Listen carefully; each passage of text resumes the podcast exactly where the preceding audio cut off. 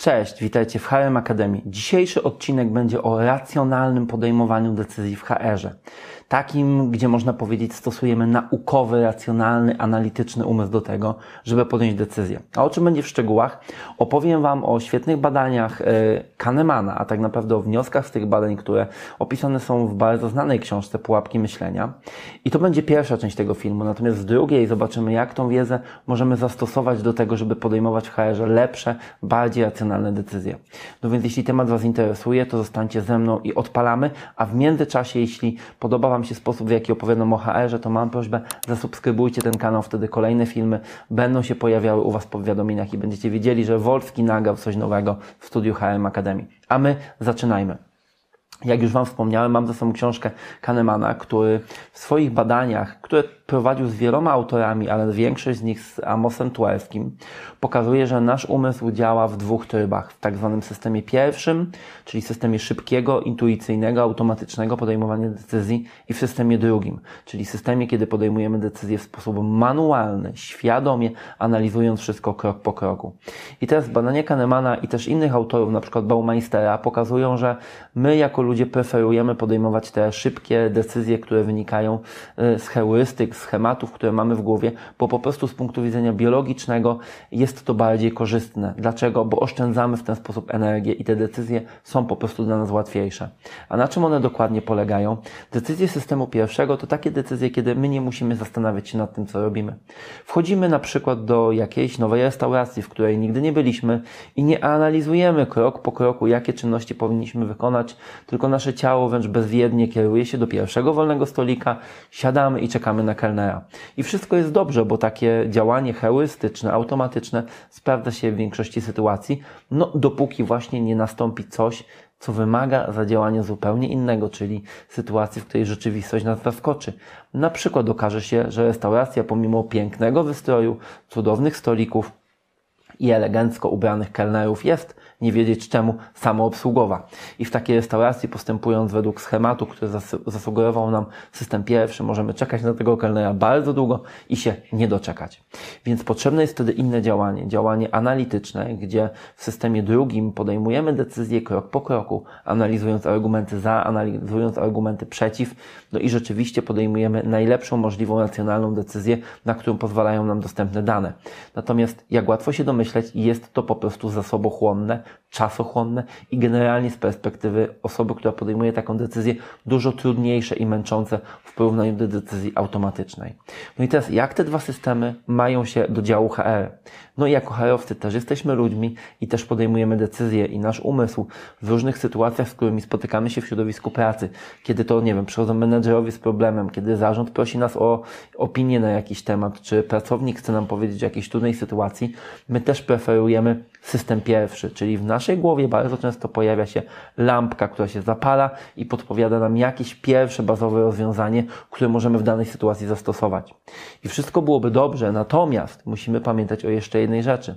Żyjemy w świecie WUKA, szybkich zmian, nasze organizacje, okoliczności zmieniają się i tak naprawdę powinniśmy dużo częściej poświęcać czas na to, aby zanalizować daną sytuację i zobaczyć, czy rzeczywiście stare schematy, które mamy, również do niej pasują. No i jest jeszcze jeden powód tak naprawdę, który jest tutaj istotny. Działając systemem pierwszym, nasz mózg niestety podlega bardzo wielu zniekształceniom, tak zwanym zniekształceniom poznawczym. Jednym z nich jest tak zwana konfirmacja, czyli umysł, kiedy działa w systemie pierwszym i docierają do niego nowe fakty, on stara się wybrać tylko te fakty, które pasują do teorii, którą wcześniej mieliśmy w głowie. Czyli ja kiedy mam jakieś przekonanie, które podpowiada mi moją automatyczną decyzję, najczęściej będę ignorował dane, które są niespójne z tym moim pierwszym przekonaniem, no bo wtedy nie mógłbym podjąć tej łatwej, szybkiej decyzji e, i będę wybierał tylko te fakty, które oczywiście pasują. Więc po pierwsze konfirmujemy, po drugie podlegamy bardzo wielu heurystykom, które Kahneman opisał w tej świetnej książce na przykład takim jak heurystyki związane z dostępnością informacji albo z powszechnością tych informacji, warto sobie o nich przeczytać, bo tych heurystyk jest naprawdę bardzo wiele. Ale wniosek z tego jest jeden kluczowy. Podejmując decyzje HR-owe, częściej powinniśmy podejmować je systemem drugim, czyli w sposób bardziej analityczny, analizując różne możliwe opcje. No ale teraz jak to zrobić yy, sensownie, skoro nasz umysł automatycznie no, wrzuca nas na te tory myślenia systemem pierwszym.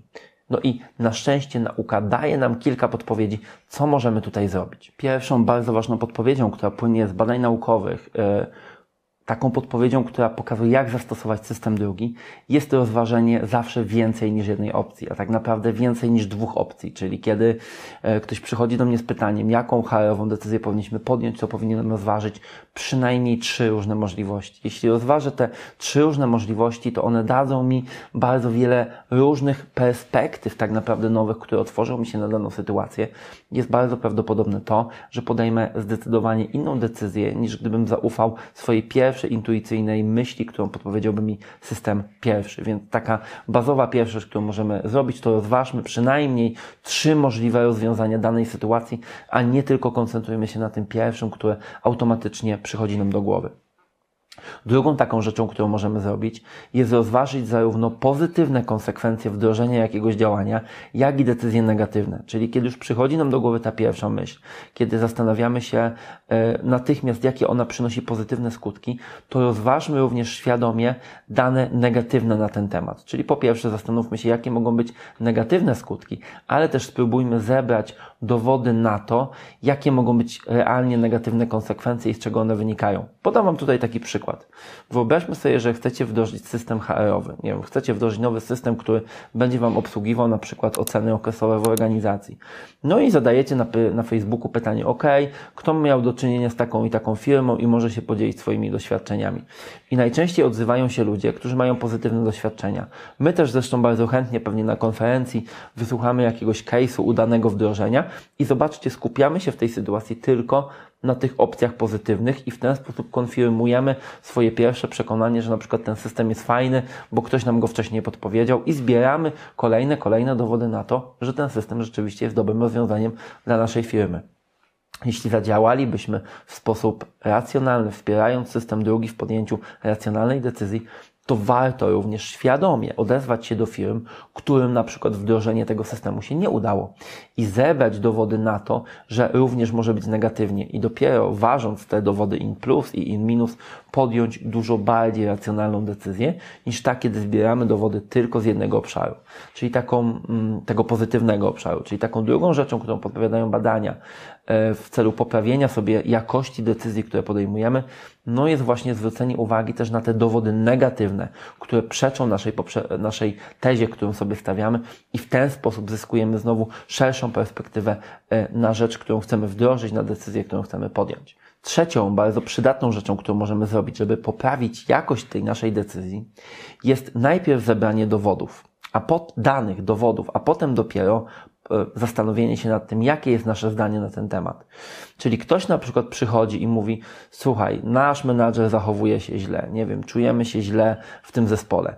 No i zanim my gdzieś pomyślimy, ok, to zróbmy to i to, albo to zróbmy, e, nie wiem, jakieś działanie naprawcze dla tego menedżera, najpierw zbierzmy dane. Więc powiedzmy pracownikowi, ok, dzięki za zgłoszenie, muszę zebrać informacje i dopiero y, zacznijmy zbierać te dane. Porozmawiajmy z menedżerem, z innymi pracownikami, zbierzmy jak największą ilość danych i dopiero wtedy po ich analizie no, postawmy tą naszą tezę.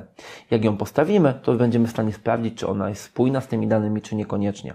No, nasz umysł sugeruje nam oczywiście, żeby to robić odwrotnie, więc przychodzi do nas pracownik i my natychmiast mamy e, no, jakąś hipotezę w naszej głowie, którą chcemy skonfirmować. Więc tutaj świadomie możemy zadziałać inaczej. Najpierw zbieramy dane z różnych źródeł, a potem dopiero po analizie wysnuwamy z tego wniosek.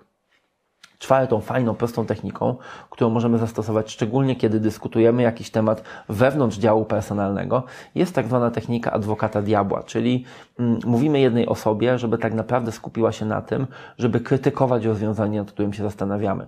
I ta osoba wtedy nie jest, wiecie, negatywnie postrzegana, że ona wszystko krytykuje, tylko po prostu przyjmuje taką rolę i patrzy na każdy nasz pomysł, na każdą decyzję, którą chcemy podjąć, właśnie z tego negatywnego punktu widzenia. Co może nie wyjść, dlaczego nie powinniśmy tego wdrożyć, dlaczego jest to słabe rozwiązanie i tak dalej, i tak dalej. Dzięki temu mamy taką naturalną przeciwwagę, która jest generowana przez tą osobę w zespole i jesteśmy w stanie wydobyć na wierzch zarówno te argumenty pozytywne, jak i negatywne. No i piątą bardzo ciekawą techniką, z którą się spotkałem, jest to, że w ogóle w organizacjach powoływany jest taki zespół, taki zespół adwokatów diabła, którzy no, w różnych wdrożeniach, które są robione w organizacji, rzeczywiście świadomie do tego podchodzą i pokazują potencjalne negatywne skutki, które mogą się wydarzyć. I zobaczcie, że Wszystkie te pięć technik, o których Wam opowiedziałem, stosunkowo prostych, pozwala nam na to, żeby poszerzyć naszą perspektywę e, na podejmowanie danej decyzji. Bo system pierwszy przeważnie sugeruje Wam taką perspektywę najbardziej oczywistą, która jest standardowa w danej sytuacji.